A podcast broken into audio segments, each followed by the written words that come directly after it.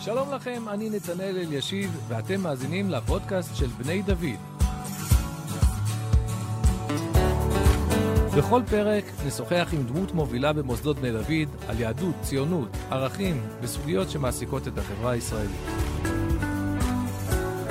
שלום לך, אביחי תנעמי, אני לא יודע בדיוק איך להציג אותך, אתה בוגר מחזור ד' במכינה בבני דוד, וזה אומר שיש לך זיכרונות משנים קדמוניות, מהשנים הראשונות והמיוחדות של המכינה.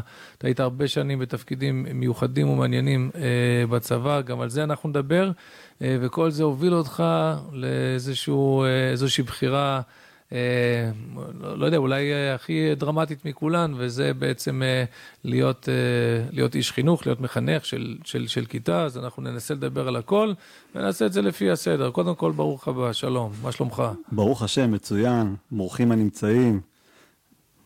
אתה, אתה הגעת לכאן, פשוט אני שמעתי את הסיפור הזה כמה פעמים, כי כשהייתי אחראי על הרצאות חול, או בוגרים שיבואו לדבר בפני הבחורים במכינה, אז לא רק הקפדנו להביא אותך כל שנה, לספר את הסיפור שלך, עשינו את זה בתחילת שנה, כי הרגשנו שבסיפור שלך יש משהו מאוד מחזק לכל מי שהגיע לכאן, לא משנה מאיזה רקע. עכשיו תסביר לי למה אני אמרתי את זה.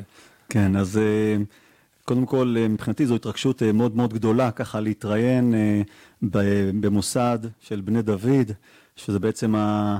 מקום שבו נולדתי מחדש. לשוחח, כן. אגב, זה לא רעיון. כן, שיחה. אוקיי, מעולה. כן. אחלה. אני אה, רואה בזה זכות מאוד מאוד גדולה, ככה לשבת ולדבר גם על, אה, על 30 שנה לפני, שזה בעצם השנה שבה התחלתי ללמוד במכינה.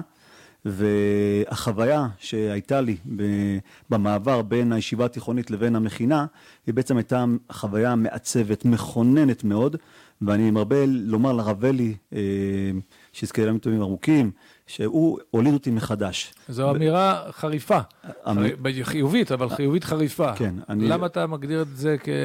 לידה מחדש. כי, כי לידה מחדש מבחינה רוחנית זאת, זאת לידה, כי עולם רוחני זה עולם שהוא כל הזמן מתפתח, ויש לידות כל, לידות כל הזמן, ואני חושב שהמעבר המשמעותי מבחינתי בראייה רוחנית, בהסתכלות רוחנית על עולמי הרוחני, בסוף בית המדרש של בני דוד זה בית המדרש המעצב, וזה קצת מתחבר לשאלה למה לי חשוב לדבר עם בני הנוער, לספר את הסיפור האישי שלי על המעבר שעברתי בין התיכון לבין המכינה. מה המעבר? מה, בתיכון לומדים, פה כן. לומדים, מה קרה? כן, מה, המעבר... מה השתנה בך ב...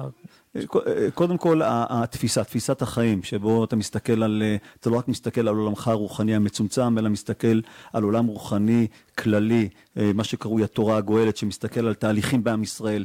שזה נקודה מאוד מאוד חשובה, ואני חושב שזה מה שנותן גם כוח לכל, לכל אחד, ודאי גם לי, אה, בעשייה, בעשייה הצבאית, ועם זה אתה הולך, עם המטען הרוחני הזה, אתה הולך, אתה הולך קדימה. ולכן אני אומר, השינוי שאני, השינוי שאני חוויתי, הוא שינוי מהפכני מה. ש... אבל לא, אביחי, אני עוצר אותך רגע כדי לשאול, אתה לא ידעת את כל זה כשבאת, משהו אחר גרם לך לבוא. מה גרם לך לבוא לפה? כן, שאלה, שאלה, שאלה מעולה, כאילו, נכון, אני באמת באמת לא ידעתי מה קורה פה, אני באמת לא הבנתי מה שקורה פה, אני באמת לא, לא, לא נחשפתי לתורה כל כך, כל כך גדולה, ומה שהביא אותי לפה זה בעצם חבר, שהוא גם כן בוגר בני דוד, שלמד איתי ב, אה, בישיבה התיכונית, אלדד, אה, אלדד טופורק, והוא אמר, תשמע, אביחי, המקום הזה תפור עליך, כי הוא זיהה בי את הכוחות, את הרצון, את המוטיבציה להגיע לצבא ואת השאיפות הצבאיות שיש לי, ובית המדרש הזה הוא בעצם היה תפור. ולא הבנתי אה, מעבר להבנה שבית מדרש הוא, הוא, הוא, המכינה היא מכינה לצבא, אבל יש פה משהו הרבה יותר חזק, הרבה יותר עמוק, עם, שנותן הרבה, הרבה מאוד כוח, שזה בעצם התורה שנמצאת כאן. ולכן את המטען הזה שקיבלתי פה, בשיחות שאני מעביר, אני משתדל אה, באמת אה, להעביר את המסר המאוד מאוד ברור, שכל כל, כל דבר שאתה עושה בחיים, שיעשה מתוך איזשהו מטען רוחני, מטען רוחני משמעותי, וזה המקום. איזה סוג תלמיד היית לפני שהגעת לאלי? אה, תלמיד עם מוטיבציות לימודיות מאוד מאוד גבוהות. זאת אומרת, זה, זה חשוב. אה, כן? כן, היית, כן. היית תלמיד אה, שקדן, מה שנקרא? כן, כן. זה כן היה לך. כן, כן, כן, תמיד.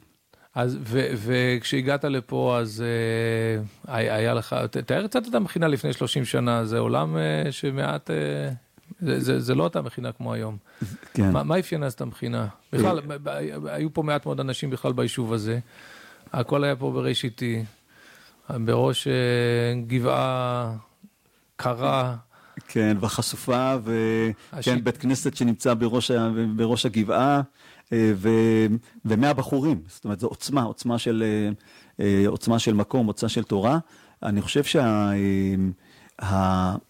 שהחוויה שה, שהייתה פה, הייתה חוויה מאוד מאוד, אה, אה, גם חוויה נפשית מאוד מאוד מיוחדת מעצם זה שאתה מגיע למקום שהוא שונה מהמרחב שבו גדלת, אני גדלתי בראש העין, התחנכתי בפתח תקווה, בסופו של דבר זה מקום גיאוגרפי שונה, ושאתה נוסע חצי שעה, 40 דקות אה, מראש העין ואתה נמצא במרחב גיאוגרפי אחר, זו הייתה חוויה מאוד מאוד מרגשת עבורי, מאוד מאוד התחברתי, אני עדיין עד היום אני גר פה, אז ככה שזה מעיד יותר מכל על כן. החיבור שלי גם למקום. הייתה גם אז נגישות גבוהה לראשי המכינה, שמטבע הדברים, עם השנים, זה משהו שאי אפשר לשמר אותו באותה עוצמה כמו בהתחלה, כשבאמת מכירים טוב כל אחד, ואתה... אמ, לשירותך, ואין להם עדיין הר של בוגרים ומוסדות. ו... נכון, אני מניח שזה, אבל אני חושב שזה, הקשר לרבנים, זה לרב אלי ולרב יגאל, אני חושב שזה לפחות, אה, זה כמו שאני ככה מכיר את המקום הזה, זה הרבה מאוד שנים, כלומר הקשר הישיר תמיד היה. ובוודאי שבמחזורים הראשונים זה אחרת. כן, בהחלט. אני זוכר שהתקבלתי ליחידה ובאתי לרב יגאל ואמרתי לו, תשמע, רב יגאל, אני לא, אה, אה, לא, לא, לא, לא התכוונתי להגיע, לעבור את הגיבוש, פתאום אה, קיבלתי תשובה חיובית וזה, אז, כלומר, הקשר הוא קשר חי. בזכות הרב יגאל, למשל, התחתנתי עם אשתי, זאת אומרת, באתי אליו, אמרתי לו, תשמע, התלבטנו, מתלבטים, מה מתלבטים, יש לי מבצע באופק, המבצע אמור להיות אחרי החגים, באזור נובמבר-דצמבר, ואנחנו כבר בסיוון. והרב יגאל אמר, תשמעו חבר'ה, אתם מתחתנים לפני, לפני החגים, להיות נשואים, תיכנסו לחגים כנשואים. זה מעמד מאוד מאוד, מעמד מאוד מיוחד, וזה מה, ש, מה שגם דחף אותנו להתחתן, ככה שהמקום הזה, מבחינתי זה מקום מעצב, מקום שהוא מלווה, מקום שנותן כוח לכל, לכל מה, ש, כל מה שעשינו בחיים, כל מה שעברנו בחיים, בדגש על הפרק הצבאי, אני חושב גם אחרי הפרק הצבאי. זה נכון שבשנים הראשונות היית יכול, כל תלמיד יכול להגיד אם הוא יותר אה, איש של הרב אלי או איש של הרב יגאל, אז היו שתי קבוצות אה, כאלה מובחנות. והרב צחי גם. הרב צחי, קבוצה שלישית. כן, כן, כן, היו קבוצות כאלה, כן. הרב חיים גם. לשאול אותך כן. באיזה אתה היית? אני הרב אלי. אתה האמן שהרב אלי. כן. אבל בכל זאת התחתנת בזכות הרב יגאל, אז כן. בסדר. אז זה מתקזז. אני מבין. ואתה בעצם למדת פה, אותה תקופה רק למדו שנה אחת, נכון? לא הייתה אופציה של... שנה אחת עם אופציה לשנה ב', אני נשארתי, אה, אז התחיל שנה ב', אני חושב שמחזור ג' התחיל שנה ב', אה, ואני, לי היה ברור שאני ממשיך אה, עוד, עוד חצי שנה, מתגייס במרץ, ולמעשה הגיבוש של היחידה היה בנובמבר. וברגע שניגשתי לגיבוש ועברתי, אז הייתי מחויב להתגייס, אז התגייסתי בנובמבר. נובמבר 92. אני מבין, אחרי שנה ורבע. אחרי שנה וקצת, כן. כן. באותה תקופה ביחידה, בסיירת מטכ"ל, זה בדיוק התקופה שהתחילו להגיע דתיים ראשונים ליחידה שהיא הייתה לפני כן מאוד מאופיינת ב... אנשים חילונים ומושבניקים, לא, וקיבוץ ויפי הבלורית והתואר, כן. בעצם, נכון? זה היה, כן, כן, כן. הייתם אנחנו... חידוש, מבחינה דמוגרפית, כן, זה היה חידוש. כן, כן, אנחנו, אנחנו, בוא נגיד ככה שמחזור, אה, שנה לפניי כבר היו חמישה חבר'ה, חלקם בוגרי עלי, שהיו בצוות נובמבר, נובמבר 1, אני נובמבר, נוב 2, הם נוב 1. אני חושב שבאוגוסט גם כן היו עוד כמה. ב, אה, יש לנו את עמנואל מורנו, זיכרונו לברכה, שהיה אה, גם חבר וגם מפקד, אז אה, הוא נוב אפס. אה, אז ככה שבעצם מאוגוסט אפס, מאז שקמה המכינה, אפשר לומר שבאמת חל שינוי בכניסה של יותר ויותר חבר'ה דתיים ליחידה. לא רק ליחידה, גם ליחידות אה, אחרות, יחידות מיוחדות אחרות, ואני במעלה הדרך, אה, גם אה, מתוקף תפקידי כקצין מבצעים מיוחדים, פגשתי את הצוותים השונים וראיתי שבאמת יש יותר ויותר נוכחות של דתיים. איך אבל... היה היחס? היו, היו, היו לך קשיים מיוחדים שקשורים לזה שאתה דתי? בתור חייל? כי בכל מקרה קשה מאוד לשרוד את המסלול, זה מסלול קשה, ידוע, תובעני.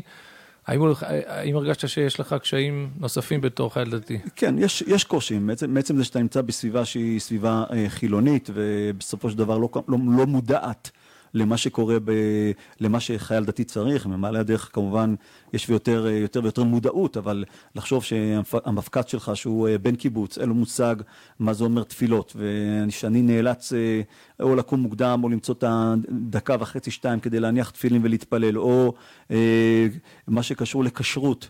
בחוסר מודעות, אני מרבה לספר שבהזדמנות ממש של ערב צוותי, אז ככה שאני חושב ששם נכנסתי למטבחון, שם היה גם בשר שהוא בשר לבן, מה שנקרא. זאת אומרת, יש חוסר מודעות, הייתה חוסר, היה חוסר מודעות של... למרות שיש. פקודות מטכ"ליות, אבל כן, יחידות כאלה, או, בדיוק, זה לא בדיוק... זה לא המקום, זה לא המקום, לא, לא, ממש לא המקום, היחידה היא... אה, זה סוג של אה, שמורת אה, טבע שהיא מוגנת מכל מיני השפעות של הצבא הגדול. אני יכול לומר שראיתי את זה, כשעברתי מהיחידה לצבא הגדול, אז עברתי סוג של התאקלמות מחדש למרחב צבאי שיש לו שפה משלו וקודים משלו. דוגמה לכך שהייתי בפיקוד והייתי קמ"ם, קצין המבצעים מיוחדים בדרגת רב סרן, ואז טוב, החלטתי שאני אלך בלי, בלי דרגות, כי ככה אני רגיל ביחידה, ואז תפסו אותי, אמרו לי, תשמע, פה זה לא היחידה, אתה חייב לשים דרגות.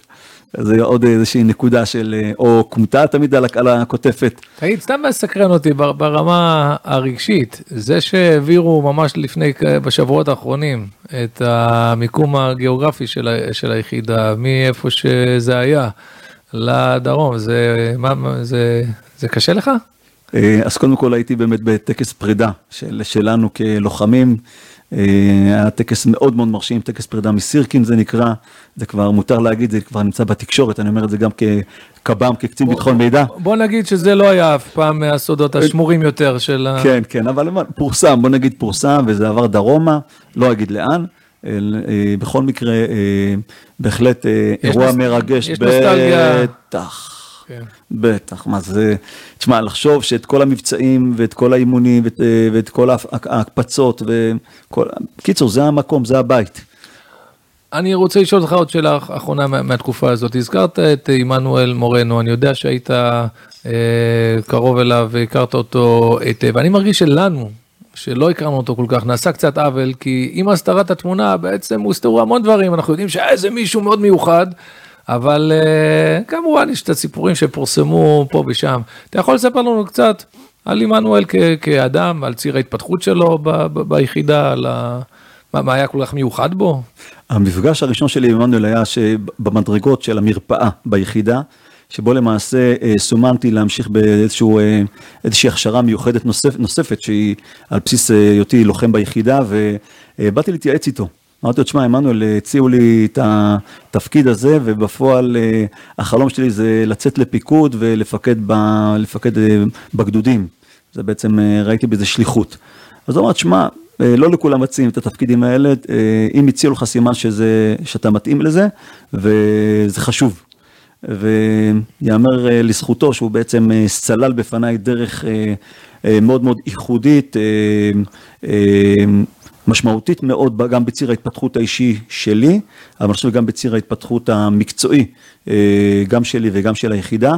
על עמנואל אה, אמרו הרבה מאוד דברים, אני רוצה לומר לך שהייתי מאוד מאוד קרוב אליו, אה, אפילו נלחמנו יחד בעזה, היה לנו מבצע משותף שהוא הביא אותי, קרא לי מהבית ואמר, תשמע אביחי תפור עליך תבוא, תצטרף אליי.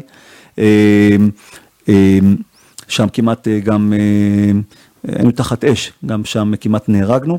אה, אני באופן אישי גם כן אה, תחת אש בישירה של אחד מבכירי החמאס. אה, עמנואל היה מבחינתי דמות להערצה, גם במישור המקצועי, ואני חושב להרבה מאוד במישור המקצועי וגם במישור הערכי-רוחני. הוא לא איבד את העולם הרוחני שלו, הוא היה נאמן בצורה מוחלטת לעולם רוחני. ההבדל ביני לבינו, שאצל עמנואל הוא, הוא ביטא את זה בצורה מאוד מאוד ישירה, מבלי לנסות אה, ולטשטש. אה, אני חשבתי שהשיטה הזאת היא פחות טובה, כי היא יוצרת גם סוג של אנטגוניזם לפעמים, אבל עמנואל והאמת שלו, אה, אני חושב ש... אין לי הרבה מה לחדש, כי הרבה נאמר על עמנואל, אבל... חבר צוותו, נפתלי בנט, מתאר אותו כמי שלא היה אדם מאוד מרשים בהתחלה, ומה שמרשים אצלו זה גרף ההתפתחות והלמידה, וזה בעצם מה שגידל אותו. אתה ראית אצלו כן, את התמונה כן, כן, ברור, לה... ברור, זה, זה נכון, זה מאוד נכון, כי באמת אה, עמנואל היה איש של עבודה קשה. אה, ואיש של התמודדויות ואיש של אה, נחישות להגיע למקום שבו הוא היה רוצה להגיע, והוא הגיע באמת למקום מאוד מאוד גבוה מבחינה מקצועית, והוא קיבל כך הערכה מאוד מאוד גדולה. כן, היה, והוא היה איש של אמת, הוא היה איש של אמת, הוא... הוא יודע להגיד אה, את הדברים שהוא חשב אותם, אה, מבלי לנסות ולייפות אותם, והדבר הזה נתן לו גם אה, סוג של, אה, אה אני אומר אולי גם סוג של אה, צבע מיוחד ביחידה. מעניין, אתה בעצם, אה, לא, סתם לקראת הדבר הבא שרציתי לפתוח, אז אני ככה מנתח אחורנית את השיחה שלנו, ואתה מתאר הרבה פעמים דמות, אה, מפגש עם דמות, שזה ככה נותן, הרב אלי, פגשת אותו וזה הוליד אותך מחדש, והרב יגאל עזר לך להתחתן, ואתה פוגש את עמנואל וזה מנתב אותך לכיוון של, אה, של יחידות מיוחדות, זה דבר מעניין, שאתה, זה יפה גם שאתה יודע לתת את ההערכה כלפי, כלפי אנשים, כי כולנו יש לנו כל מיני אנשים טובים באמצע הדרך, ולא לא תמיד זוכרים אותם. אז זה לא, בהקשר הזה אני חייב לומר שאני אה, אוחז ב...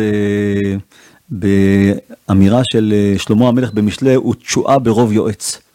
ועל זה אני גם, כשאני מדבר עם בני נוער, אני מרבה לדבר על התשואה ברוב יועץ, שאדם אה, מתייעץ, והוא זה שאדם יש לו את הכיוונים שלו, את החשיבה שלו, אולי אפילו את האמת שלו כמו שהוא רואה אותה, ושהוא מתייעץ עם אנשים, ו...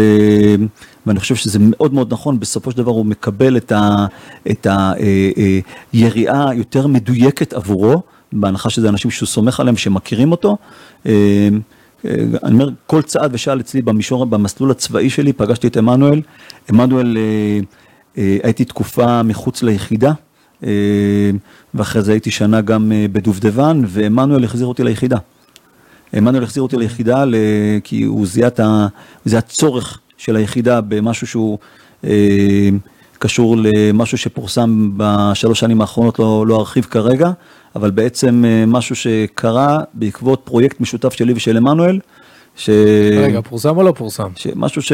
משהו שקרה לפני שלוש שנים ופורסם. אם פורסם אז... אה, כן, נכון, אז אבל מה... נשאיר את זה ככה. נשאיר, טוב, כן, נו. כן.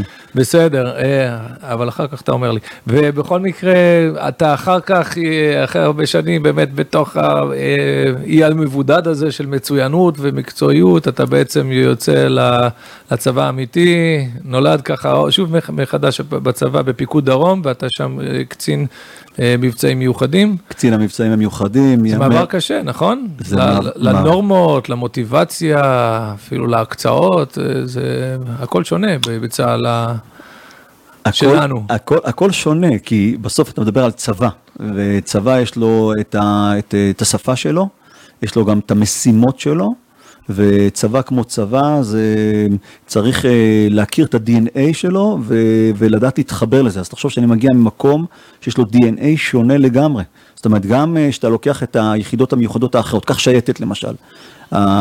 ה-DNA של השייטת הוא מתכתב עם הצבא הגדול, ה-DNA של מטכ"ל לא כל כך מתכתב עם הצבא הגדול.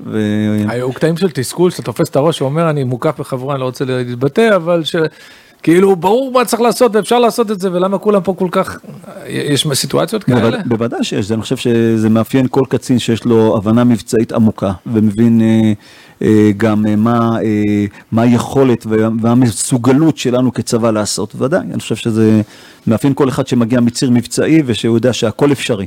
אוקיי? ובכל זאת אתה צריך ללמוד את להתאים את האש שלך, להוריד מהאש גבוה לשני... תמיד, תמיד. כי בסוף היכולות של הצבא הגדול והמסורבל והבינוני הזה, הוא יכול מה שאף יחידה קטנה אה, לא יכולה לעשות. נכון. צריך ללמוד איך לקחת את הגוף הגדול לשם. נכון, בהקשר הזה אני חייב ככה לשתף, אם כבר אנחנו מדברים על צבא וצבאיות, אז אה, למשל חטיבת הקומנדו. חטיבת הקומנדו שקמה, אז אה, ראשיתה הייתה בדיון, אה, בעבודת מטה שהייתי שותף אליה, להקמת אגד הכוחות המיוחדים, אגד הקום, אגד הכוחות המיוחדים, בעצם הייתי שותף לאיזושהי ועדה כזאת שהוביל קחצר, והגיע למסקנה שיש צורך בחטיבת קומנדו. מדוע? כי חטיבת קומנדו כזאת, יש לה אגרוף, בראייה אופרטיבית יש לה אגרוף מאוד מאוד חזק. וזה מה שקורה היום בחטיבת קומנדו. Mm-hmm. אז זה ביטוי שקצת, אה, נכון, אז הצבא הגדול, זה בסוף למידה, תהליך של למידה שעשיתי. היו כמה פדיחות, אני חייב לומר, כקצין מטה שמגיע מיחידה מיוחדת ומשלם את מחיר ה... אה, אה, צעירות. לא רק הצעירות, גם החוסר הבנה של, של מערכת צבאית איך עובדת. לא, לא זה המקום לספר, אבל אני יכול לספר את זה, אין בעיה, זאת אומרת, זה משהו שאפשר לספר אותו. ו, ואז משם... ספר, מה? מה? ספר. אה, בוא נספר אותו, אני במסגרת תפקידי הייתי במסגרת תפקידי כקמ"ם, קצין מבצעים מיוחדים, הייתי מאשר אה, אה, אישורי תוכניות מבצעיות, אה, הייתי יושב על שולחנו של מפקד פיקוד הדרום, ולאחר מכן הייתי עולה לרמה המטכ"לית ומאשר, מאשר אצל ראש, רח"ט מבצעים, ראש אמ"ץ, רמטכ"ל, והייתי עולה גם לשר הביטחון. אוקיי? ובאחת הפעמים מצאתי את עצמי עולה לשר הביטחון בבלי אישורו של מפקד פיקוד הדרום, ואז מפקד פיקוד הדרום אומר, מתקשר אליי, אומר, תקשיב, יכול להיות שהיית שר, שר הביטחון בלי שאישרתי לך? כאילו, מה, מה, כאילו, אה, כן, מה הבעיה? אז, אה, אז יש בעיה. אז יש בעיה, כן.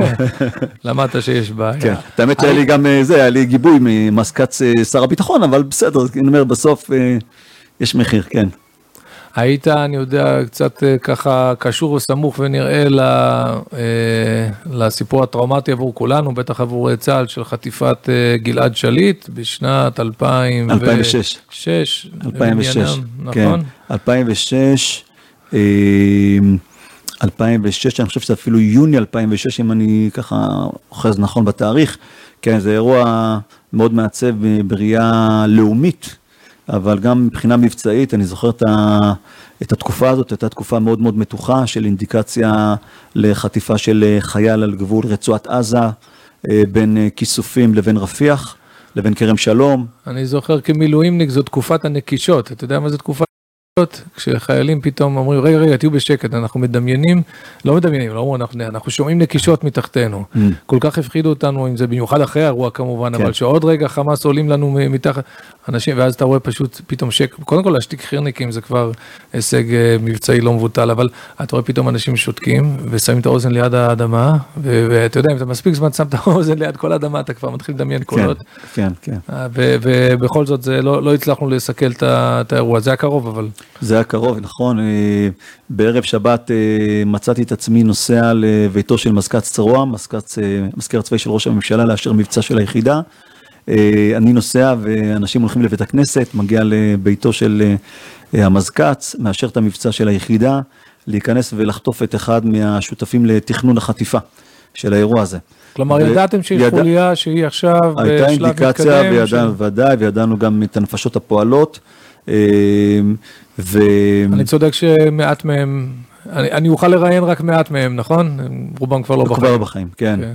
וכן, יש שמות שאני זוכר עד היום, אבל זה לא המקום להזכיר אותם. אה, בכל מקרה, אה, אישרתי את המבצע, מבצע של היחידה יצא לפועל בערב שבת, אה, הצלחנו לקטוף את אותם, אחד מהמתכננים מביתו, הבאנו אותו לחקירת שב"כ, ובסופו של דבר השב"כ התחיל לעבוד עליו במהלך השבת. אה, לא הצליח להוציא ממנו מידע רלוונטי, ובראשון בבוקר, כשהייתי כבר אה, בבית בשעה 6 בבוקר, 5 בבוקר, היה גם פילים מאוד מאוד כבדים, אנחנו מקבלים, אה, הוכרז חניבעל, חטיפת חייל, ואז זה באמת אירוע... כלומר, הוא הצליח, אני מניח, לחזק את עצמו, כי הוא ידע שאם הוא ישתוק עוד כמה שעות, אז זה כבר יהיה מאוחר נכון, מדי. נכון, נכון. זה...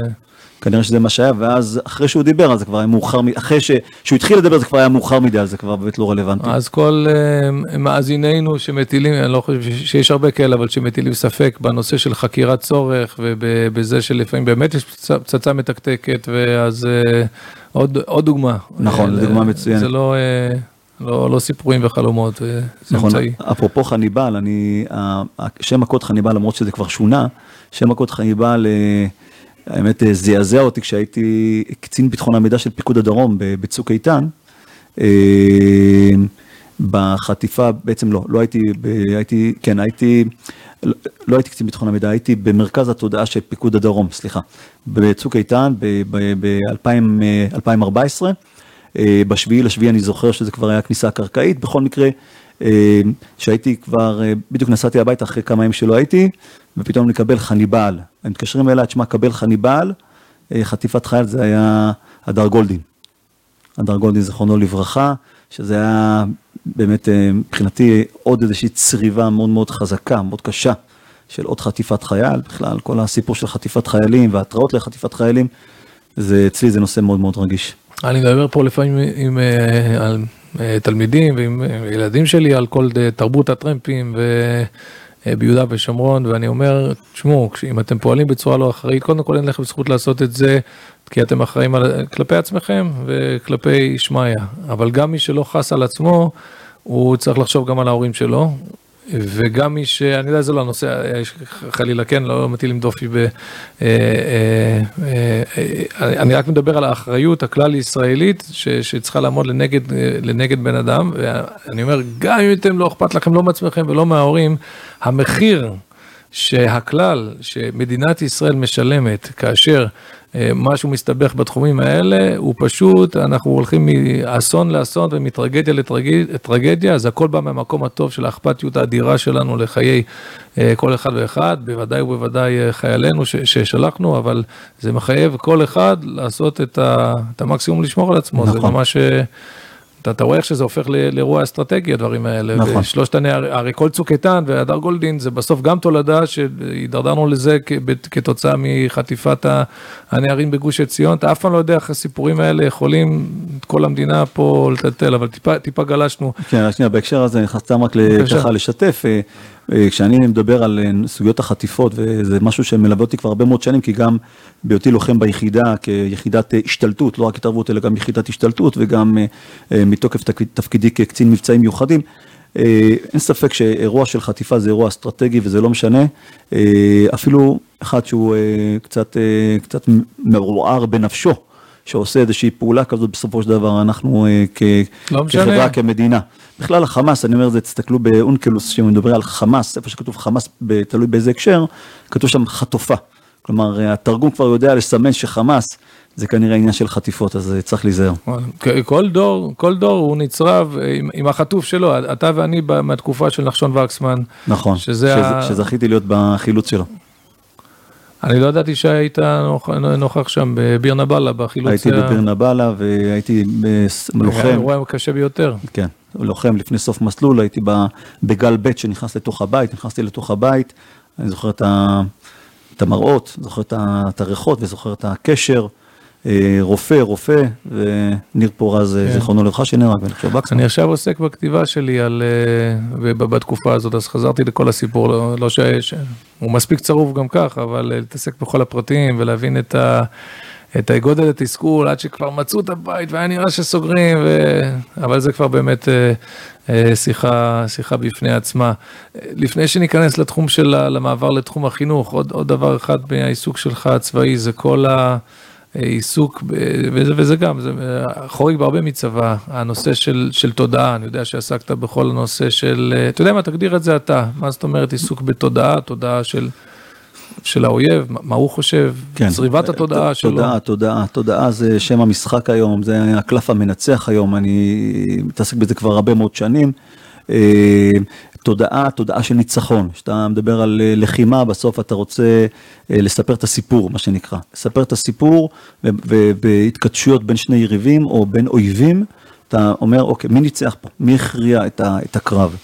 ואתה מבין יותר ויותר שבמהלך השנים אנחנו נמצאים בבור שבו אנחנו לא יודעים, אה, אנחנו עושים אה, פעולות שהן פעולות אה, חשובות, מבצעיות חשובות, אבל אנחנו לא נותנים לזה את המעטפת של הסיפור, שבסופו של דבר מראה מי, מי החזק פה ומי זה שניצח.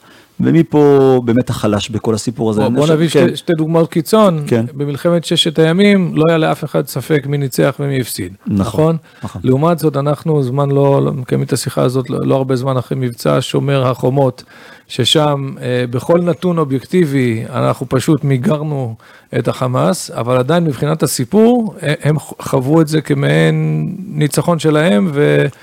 הם, הם לא חוו, הם, הם, יודעים, הם יודעים מי ניצח, זאת אומרת, זה לא, זה לא העניין. הם יודעים. פה, הם, אם אתה מסתכל בראייה צבאית, אז ברור ש, שאנחנו ניצחנו, ברור שבסופו של דבר הושמדו הרבה מאוד מטרות, אני איש פיקוד דרום, יכול לדבר שעות על אה, פיקוד הדרום ועל עזה ועל חמאס ועל ג'יהאד איסלאמי וכולי. ברור מעל לכל ספק שהמכה שחמאס והג'יהאד האיסלאמי, מכה קשה מאוד, בכל, בסדר גודל יותר מאשר צוק איתן נקודה. זאת אומרת, גם התחלנו מאוד מאוד חזק, וגם המשכנו והגברנו את התקיפות, וזה נכון, ולא הכרענו, כי בסוף הכרעה זה אך ורק בכניסה קרקעית, אתה לא יכול להכריע אויב כשהוא עדיין משמר לו יכולות, יש עדיין יכולות שהוא יודע להפעיל אותן, אבל בסוף אה, אין ספק שהגענו למצב של ניצחון בקודים צבאיים פשוטים. אבל, אבל זה לא פייר, אבל זה, זה, זה גם לא הוגן, כי בסוף החמאס, יש לו, הוא מצומצם ב, ביכולות הצבאיות שלו בלהתמודד מולנו, בסדר? מלכתחילה זה לא סימטרי, זה לא, לא חוכמה שכוח כמו ישראל עומד מול ארגון כזה, לא חוכמה שניצחנו נכון. אותו. האבל הגדול, האבל הגדול, וזה אני אומר, ואנחנו עוד לא מספיק חזקים בזה, שאנחנו מדברים על המלחמה, על התודעה, הקרב על התודעה, לא מי ניצח. אלא בסופו של דבר, אה, איזה סיפור יותר חזק, מהו הסיפור, הנרטיב האמיתי, המוסרי, הערכי, המידותי, וזה, אנחנו כל הזמן נדרשים לשאלה הזאת. דוגמה קטנה בראייה צבאית, לא ניכנס כרגע לפן הרוחני, אני יכול גם לדבר על הפן הרוחני והמקום שלנו, שם אנחנו עוד חלשים, אבל בפן המוסרי למשל, אה, שאנחנו נדרשים בסופו של דבר לס, ל, ל, ל, ל, לעמוד בפני תביעות בבית הדין אה, הבינלאומי בהאג, בסדר? שאתה, אה, שכל דבר שאנחנו עושים, אנחנו מתעדים גיבוי משפטי עם, עם מודיעין רלוונטי שתומך. בסופו של דבר אתה מבין שלא משנה מה תעשה. מעולם לא נעשה מאמץ בכל ההיסטוריה, נכון? בכל ההיסטוריה המוכרת לנו הצבאית, מעולם לא נעשה מאמץ גדול יותר. אה, למנוע פגיעה מבלתי מעורבים, כן. לפעמים זה כבר עד כדי גיחוך, ניהלו משא ומתן עם בן אדם שאומרים לו, הולכים לפוצץ לך את הבניין, הוא אומר, רגע, שנייה, אני כן. צריך לפני כן פה, יש לו גם סידורים לעשות, הוא כבר מתאם את ה... אוקיי, נכון, נכון, זה מדהים, זה מדהים. ולמרות זאת, אנחנו... הקש בגג, סתם, הקש בגג, זה צמח, אני הייתי בפיקוד הדרום בתקופה הזאת, זאת אומרת, זה מרכז האש יחד עם האגם, ובסוף ניסינו ככה אה, להגיע לאיזשהו אה, תוכנית מבצעית שמאפשרת משפטית את מה שאנחנו עושים, בסדר? אתה מבין? כאילו, כאילו המשפטיזציה היא זאת שבעצם הקשתה עלינו, כי בסוף אם אנחנו מבינים שיש אויב ונמצא בתוך מבנה, אז קדימה תרד עליו, אתה, למה לחשוב? אז אנחנו עושים את הכל, ולמרות זאת, אנחנו בסוף נכון, מגננה דיפלומטית נכון, ומשפטית. נכון, אז מה בעצם אני רוצה לומר? שכל מה שלא נעשה, שאתה מדבר, בראייה מוסרית, שאתה מדבר על חמאס שיורה טילים ופוגע בנשים וילדים, בסוף זה מוסרי. אז נכון שקורה לפעמים שאנחנו uh, תוקפים ושאתה מפעיל כוח, יש גם uh, בלתי מעורבים שנפגעים לצערנו מהסיפור הזה. אבל uh, בראייה מוסרית זה לא עומד במבחן הבינלאומי, אתה מבין? מהקרב על התודעה. ובכל זאת, אני, האמת היא, פה, פה אני חושב שנגעת בעיקר ובמה שהכי צריך לעניין אותנו, ובכל זאת, בתפקיד הצבאי שלך, אתה לא בדיוק עסקת ב-level הזה, נכון? אלא ביותר... ל, ל, אה, בראיית, בראיית התודעה עסקתי גם בלנסות ולהשפיע. מה, אה, זהו, איך אנחנו, איך צה"ל יכול להשפיע? להשפיע על הצד השני, על הצד השני, אה, אה, כדי לשמר איזשהו הישג מבצעי, בסדר? כלומר, אנחנו רוצים שהוא יישאר עם רושם מסוים, שהוא, לש, יבין, שהוא לשמר, יבין משהו. לשמר הישג מבצעי. בשומר החומות למשל, בשומר החומות, אה, היינו שותפים למהלך תודעתי כדי לצמצם ככל שאפשר את ההתקוממויות העממיות ביהודה ושומרון. למשל, אתה ראית את כל הזירה בוערת, כולל אה, זירת ערביי ישראל, ו... פה עשינו, יחסית שקט. עשינו, עשינו כמה מאמצים כדי לראות איך אפשר לצמצם ככל שאפשר את החיכוך. אני נזכר במשפט הכמעט מאפיונרי אה, ש... של אריק שרון אהב להשתמש בו, של אה, הסברתי לו ככה שהוא יבין. אז יש הרבה דרכים להסביר למישהו נכון. ככה שהוא יבין. נכון, נכון. אני מבין. אז אתה מגיע לצומת של השחרור מצה"ל אחרי המון שנים, שיש לך סביבה מאוד ברורה, ובסדר, אולי תפקיד כזה, תפקיד אחר, הסתגלויות, אבל בסוף, בסוף אתה בתוך מערכת, יש לך גם מעמד מסוים, ואתה מגיע לרגע השחרור, פחות או יותר סביב גיל... 45. 45, ו... עולם שלם נפתח בפניך, מצד אחד המון חירות ואתה יכול לבחור בהמון אה, דברים. אני מניח שזה גם קצת מפחיד, כי אתה בסוף מאבד את הביטחון אה, שיש לך בסביבה מוכרת והכול. מה, מה, מה היו האפשרויות שעמדו בפניך וכיצד קיבלת את ההכרעה שקיבלת?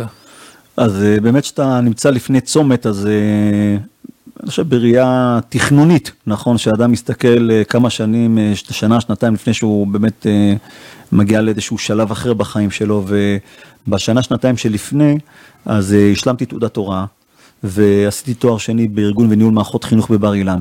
כי לי היה ברור שתואר שני במנהל עסקים, כנראה לא, לא יוביל אותי לשום, לשום מקום, למרות שלא מעט חבר'ה שעושים תואר שני, אז הם הולכים למנהל עסקים כדי באמת לפתוח את האופציות, את האופציות העסקיות שלהם. או לפחות להבין קצת את העולם העסקי הזה. אני, לי הברור שאני מסמן את החינוך כיעד. ואני משתחרר והולך ישר לחינוך. השתחררתי בסוף נובמבר 2017, בשלישי בדצמבר כבר הייתי אה, בבית ספר, אה, במקרה הזה מרכז תורני טכנולוגי נחלים, אה, ללמד שם. אה, כי לי היה ברור שאם אני אתמהמה ואני אנסה להסתכל על דברים אחרים, ככל הנראה אני אמצא את עצמי במקומות אחרים שהם יותר אטרקטיביים, גם בראיית, בראייה ביצועית וגם בראייה כספית. אה, ולכן... כל, לי... כל המילים האלה, בוא אני אתרגם אותן למילים פשוטות. בעצם בחרת להיות מורה בבית ספר, מחנך של כיתה. מחנך, כן. וזה כן. כשגם מעט, לא יודע, מעט, כן, מעט, מעט אנשים מ... מ, מ אה, שמגיעים לחינוך אחרי צבא, בדרך כלל הם יגיעו לתפקידים ניהוליים, תפקידים רוחביים. יש כן, מעט לי, מאוד אנשים שאמרו, היה... אני הולך להיות מורה בבית ספר. אני, לי היה ברור שאני מתחיל מלמטה. לי היה ברור שכדי להיכנס לעולם של חינוך, ולא משנה באיזה תחום אתה תעסוק בחינוך, אם זה בניהול פורמלי, לא פורמלי, אתה חייב להתחיל מלמטה. ולהתחיל מלמטה זה לנגוע, לנגוע בחומר האנושי, לנגוע בתלמידים. אה, להתנסות, לחוות, לתהות בה', לטעות בעין, ובסופו של דבר התהליך הזה הוא תהליך אישי, מקצועי, שיכול אה, לתת לך גם תובנות. תובנות עומק על התחום, על תחום החינוך. מעניין אותי מהצד של התלמידים, אולי אותם הייתי צריך להביא כדי לשאול אותם. לא יודע, אתה בתור תלמיד מצפה לפגוש דמות מסוימת של מורה עם רקע מסוים, ופוגשים אותך, לא יודע, זה היה בשבילם גם הפתעה, או שהם לא הבינו ש... אה, שאתה בא מרקע קצת שונה מרוב המורים. לא, הם הבינו, הם הבינו שאני מגיע מרקע שונה, הם גם, אה, זה גם בא בתקופה שהיא תקופה טובה בשבילם, גם כיתה י"א-י"ב זה בעצם השלבים שהם עושים את צו ראשון והצבא מתחיל אה, לדגדג אותם, לעניין אותם ולא מעט שאלות, ככה שזה יצא בעיתוי, בעיתוי טוב, אפילו גם זכיתי להיות איתם בגדנ"ע, יש בתי ספר שהולכים לגדנ"ע, אז ככה שהצטרפתי אליהם ועליתי על מדים בשבילם, וזה היה מטורף, זה מינף אותם חבל על הזמן. אה, תשמע, תלמידים זה דבר, אין, אין כמו תלמידים, תלמידים דבר מאוד מאוד יקר, אה, מאוד מאוד קרוב. אה, ונכון, שהנורמות שאני, לפחות כאחד שמגיע מהצבא, ולי היה ברור שבחינוך, סליחה שאני אומר את זה, אבל זה כמו צבא בראייה, בראייה קצת שונה, אבל זה כמו צבא. זאת אומרת, לי היה ברור ש... אה, אני צריך לנהל קרב. סליחה שאני אומר את זה במושגים אה, אה, צבאיים, אבל אני צריך לנהל קרב עם עצמי, קודם כל, הקרב, הקרב הוא קרב עם עצמי. מה, מה זה הקרב? אומר? אני אסביר. זה אומר שקודם כל, בראש ובראשונה בחינוך, הקרב על הקשר. לי היה חשוב לשמר קשר עם כל אחד, וזה בית, בית, בית ספר שבו תלמידים לפעמים לא מגיעים. אין יום שעבר מבלי שאני מנהל את הרשימות, מי מגיע, מי לא מגיע, ומי שלא מגיע, אני מתקשר אליו ואומר לו, תשמע יקירי, אני מתגעגע אליך, למה לא באת? זהו, גם להתקשר, זה יכול להיות במקום של משמעת ושל התערבות, כאילו, וזה יכול להיות במקום המשפחתי, כמעט הייתי אומר, האכפתי, אני מבין שאתה מדבר על הסוג כן, השני. כן, כן, תשמע, לא כל, אה, שתלמיד לא מגיע יום, יומיים, או כמה תלמידים לא מגיעים, לעשות כל מאמץ לשמר קשר ולחדש קשר ולהדק קשר עם התלמידים. הדבר השני, זה הקרב על הנורמות. בסוף אנחנו מדברים על נורמות של בני אדם. אה, אני לא אתן כאן דוגמאות, אבל דוגמה אחת אני יכול לתת שתלמידים שמעשנים למשל, אז הם גם אה, מרבים לרוקק, להוציא רוק, אז הם עושים את זה לידך. אז הדבר הזה, אה, נראה לי שזה לא נורמה ראויה. אז הקרב על הנורמות, אבל זה עוד הרבה נורמות אחרות של התנהגות, של, של דיבור, הקרב על הנורמות. ואחרי זה הקרב על ההישגים. זאת אומרת, מבחינתי, גם ההישגים זה חלק ממאמץ שאני מנהל אותו כמחנך, להגיע, להביא אותם להישגים, וברוך השם, כיתה י"ב, 15 אה, תלמידים מתוך 20 הוציאו תעודת מקצוע, שזה בהחלט הישג מאוד מאוד משמעותי, וזה הקרב על ההישגים. אז כשאני מסתכל על ה, עליי כמחנך, כיוצא צבא, לדעת לסמן את היעדים, לדעת ל, ל, לסמן את המאמץ, לדעת להשקיע את המשאבים הנכונים כדי להגיע, בסוף להביא, להביא אותם להישגים, להישגים גם ערכיים וגם ב, אה, הם יודעים להוקיר, להוקיר טובה על ההשקעה הזאת ועל האכפתיות ועל המסירות למען כל אחד, זה משהו שהם מרגישים, הם יודעים, הם יודעים להעריך את זה? חד משמעי, חד משמעי. והאם הם, אה, בצד השני, אחרי שהם רואים את זה, האם אתה לא פגשת גם בקטע שמנסים לבדוק אותך? האם אתה באמת אוהב אותי? האם אתה באמת... ברור. זה פשיטה, זה כל, זה הילד שלך עושה לך, באותה מידה גם התלמיד עושה לך. כן. תראה, מבחינתי, כתפיסה חינוכית, לי היה ברור שאני האבא והאימא שלהם. מה זה אבא ואימא? אבא ואימא, אני, זה ראשי תיבות. א', זה אהבה. קודם כל, אני אוהב אותך. ב', זה ביטחון, אבא. עוד א', זה אמון. אני מאמין בך ומאמין לך. אפשר להרחיב על זה, לא עכשיו. והאימא זה האכפתיות. ומ' זה המסירות. ועוד א', זה האוכל. אז זו התפיסה. אתה המצאת את הראשי תיבות האלה? כן. קודם כל זה יפה מאוד. אתה דאגת להם גם לאוכל? חד משמעי. בטח. אני הייתי לוקח בכיתה, הייתי אומר, מי, ש... מי שמתנהג יפה, אני מסמן לו, מקבל גביע, וככה הייתי מסמן גביעים בוואטסאפ, האייקונים האלה, הזה. וכל חמישה גביעים, קבל שווארמה. וואלה. כן, החבר'ה שלנו בטכנולוגיה מפונקים. זה מינימום שווארמה. אני יודע לפחות אה, מקרה אחד, פשוט הוא התגלגל גם לתקשורת, שהתלמידים בסוף התהליך ידעו גם להכיר לך טובה ונתנו לך מתנה לא שגרתית. זה הסוס, כן. הסוס, אה, אה, תחת הכותרת להגשים למורה שלי חלום. כאילו היה להם חשוב להקשיב לי חלום, להגשים לי חלום. הסוס הזה עדיין קיים? הסוס הזה קיים. זה לא היה סוס ליום אחד, זה סוס... סוס קיים, פיזית הוא כבר לא אצלי, אבל הסוס הזה קיים, נושך ובועט, נושך ובועט אמיתי. במקום אחר שאני פשוט לא הצלחתי לאלף אותו, אני יודע, אני יודע לחנך, אני לא יודע לאלף. זה שני, שני מקצועות שונים. למה התלמידים חשבו שמה שהמורה שלהם רוצה זה דווקא סוס? כי אני התעניינתי אצל אחד התלמידים אה, שמבין בסוסים, והוא אמר, אוקיי, הוא כאילו מה שנקרא צרב את זה לעצמו. אז זה כמו הטעות הזאת אצל משפחות מאוד מאוד מכניסות אורחים, שאתה אומר אני אוהב קוסקוס, ואז אתה פשוט תקבל הררים של, של מה שביקשת, כי סימנו אותך שזה מה שאתה אוהב. כן, או, או בזוגיות, שאתה הולך עם אשתך ואומרת, וואי, זה הגיל יפה, זה שרשרת יפה, ו... זה כבר אומר שאתה תוך שעה, בדיוק. לכל היותר תוך יום זה כבר אצלה. אז את גילית העניין בסוס, אבל עדיין לא חשבת שאתה תמצא את עצמך... לא, זאת, זאת הייתה הפתעה גמורה, אני חושב, זו פעם ראשונה שמצליחים להפתיע אותי, קשה מאוד להפתיע. בוודאי איש צבא, לדעתי שהוא כל הזמן חד, ערני. כן. במקרה הזה הייתה הפתעה גמורה, כן. מה ש... איזה יופי. ו...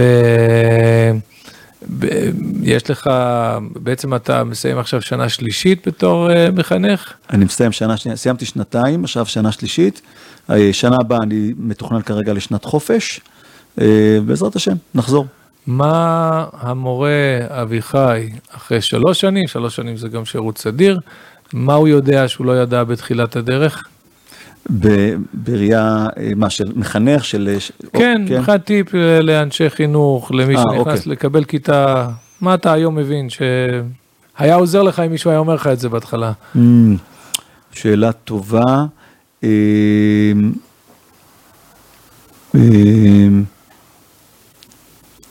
מה יותר אחרי שלוש שנים, את האמת שאני מסתכל על שלוש שנים, זה, הכל זה תהליך למידה. תהליך למידה. אני מבין למשל אה, אה, את, ה, את המקום של ההורים בחינוך. זאת אומרת, צריך לזכור שבסוף תלמידים מגיעים אליך, אבל הם חוזרים הביתה. הדבר הזה הוא מאוד מאוד משמעותי, הקשר עם ההורים, וההורים הם חלק אינטגרלי, כלומר אתה שליח של ההורים מצד אחד, מצד שני אתה רק שליח. זאת סוגיה כמעט לא מדוברת, דווקא בימים האחרונים פורסם על זה פוסט שעושה, לא, אולי אתה נחשפת לזה, של הרב אילי עופרן, שהוא דיבר בדיוק על הדילמה הזאת בין uh, לעודד את התלמיד להמשיך את הנורמות של הבית, למרות שאולי הנורמות בבית הספר הן אחרות, או לחנך אותו uh, לנורמות של, של, של בית הספר. אני יודע שבעולם הישיבות זו סוגיה מאוד מאוד... אה, סבוכה, כי בדרך כלל יש פער מאוד גדול אה, בין הנורמות של בית מדרש ומקומות תורני לבין הנורמות של הבתים, ואז זה ממש ממש אה, שאלה קריטית. כי אתה לפעמים חושב שאתה חכם גדול, שאתה מסביר לו מה הוא צריך לעשות, ולפעמים זה איזשהו ניגוד לבית, ובסוף הוא חוזר לבית. הדיסוננס הזה הוא, הוא לא פשוט, בעיקר, בעיקר עבור התלמיד, ואני חושב שאנחנו נעשה טוב לתלמיד. שאתה מפגיש אותו עם משהו אחר, מצד אחד, מצד שני, עם אה, המון המון הערכה וכבוד לבית.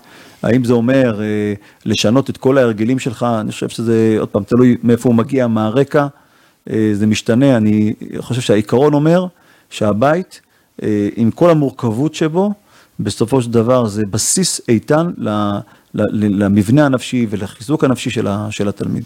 ואולי רק מילה לסיום על המקום שבית המדרש, באופן כללי, אולי בית המדרש של בני דוד תופס אצלך אה, בחיים, אמרת שנשארת כאן אה, לגור. נכון. אני יודע שאתה קשור. אז, אז, אז באמת לסיום, זה, אני חושב שזה סיום טוב, שהבן הבכור שלי לומד בישיבה, שיעורי אברך בישיבה, הבן השני שלי שמשרת בצבא, למד פה שנתיים וקצת. אז ככה אני חושב שזה מעיד יותר מכל, שזה, שבית המדרש שפה זה בית המדרש אה, שאיתו הייתי רוצה שגם ילדיי יתחנכו בו. נהדר, תודה רבה אביחי, תודה, כל נושא שדיברנו יש עוד הרבה פה מה להרחיב, אבל כטעימה ראשונה מילאת אותנו בהרבה מחשבות ובהרבה השראה, אז uh, תודה רבה על כל מה שהיה עד עכשיו, ואין לי אלא לברך אותך שתמשיך, שתעשה חי, ותפרוץ ותסלול דרכים חדשות ושילובים וחיבורים. אמן. הייתי רוצה מורה כמוך. תודה רבה, תודה. חזק ואמץ. עד כאן הפרק שלנו, תודה שהאזנתם להסכת של בני דוד. אתם מוזמנים לשתף את הפרק עם חברים, נשוב ונשתמע בפרק הבא.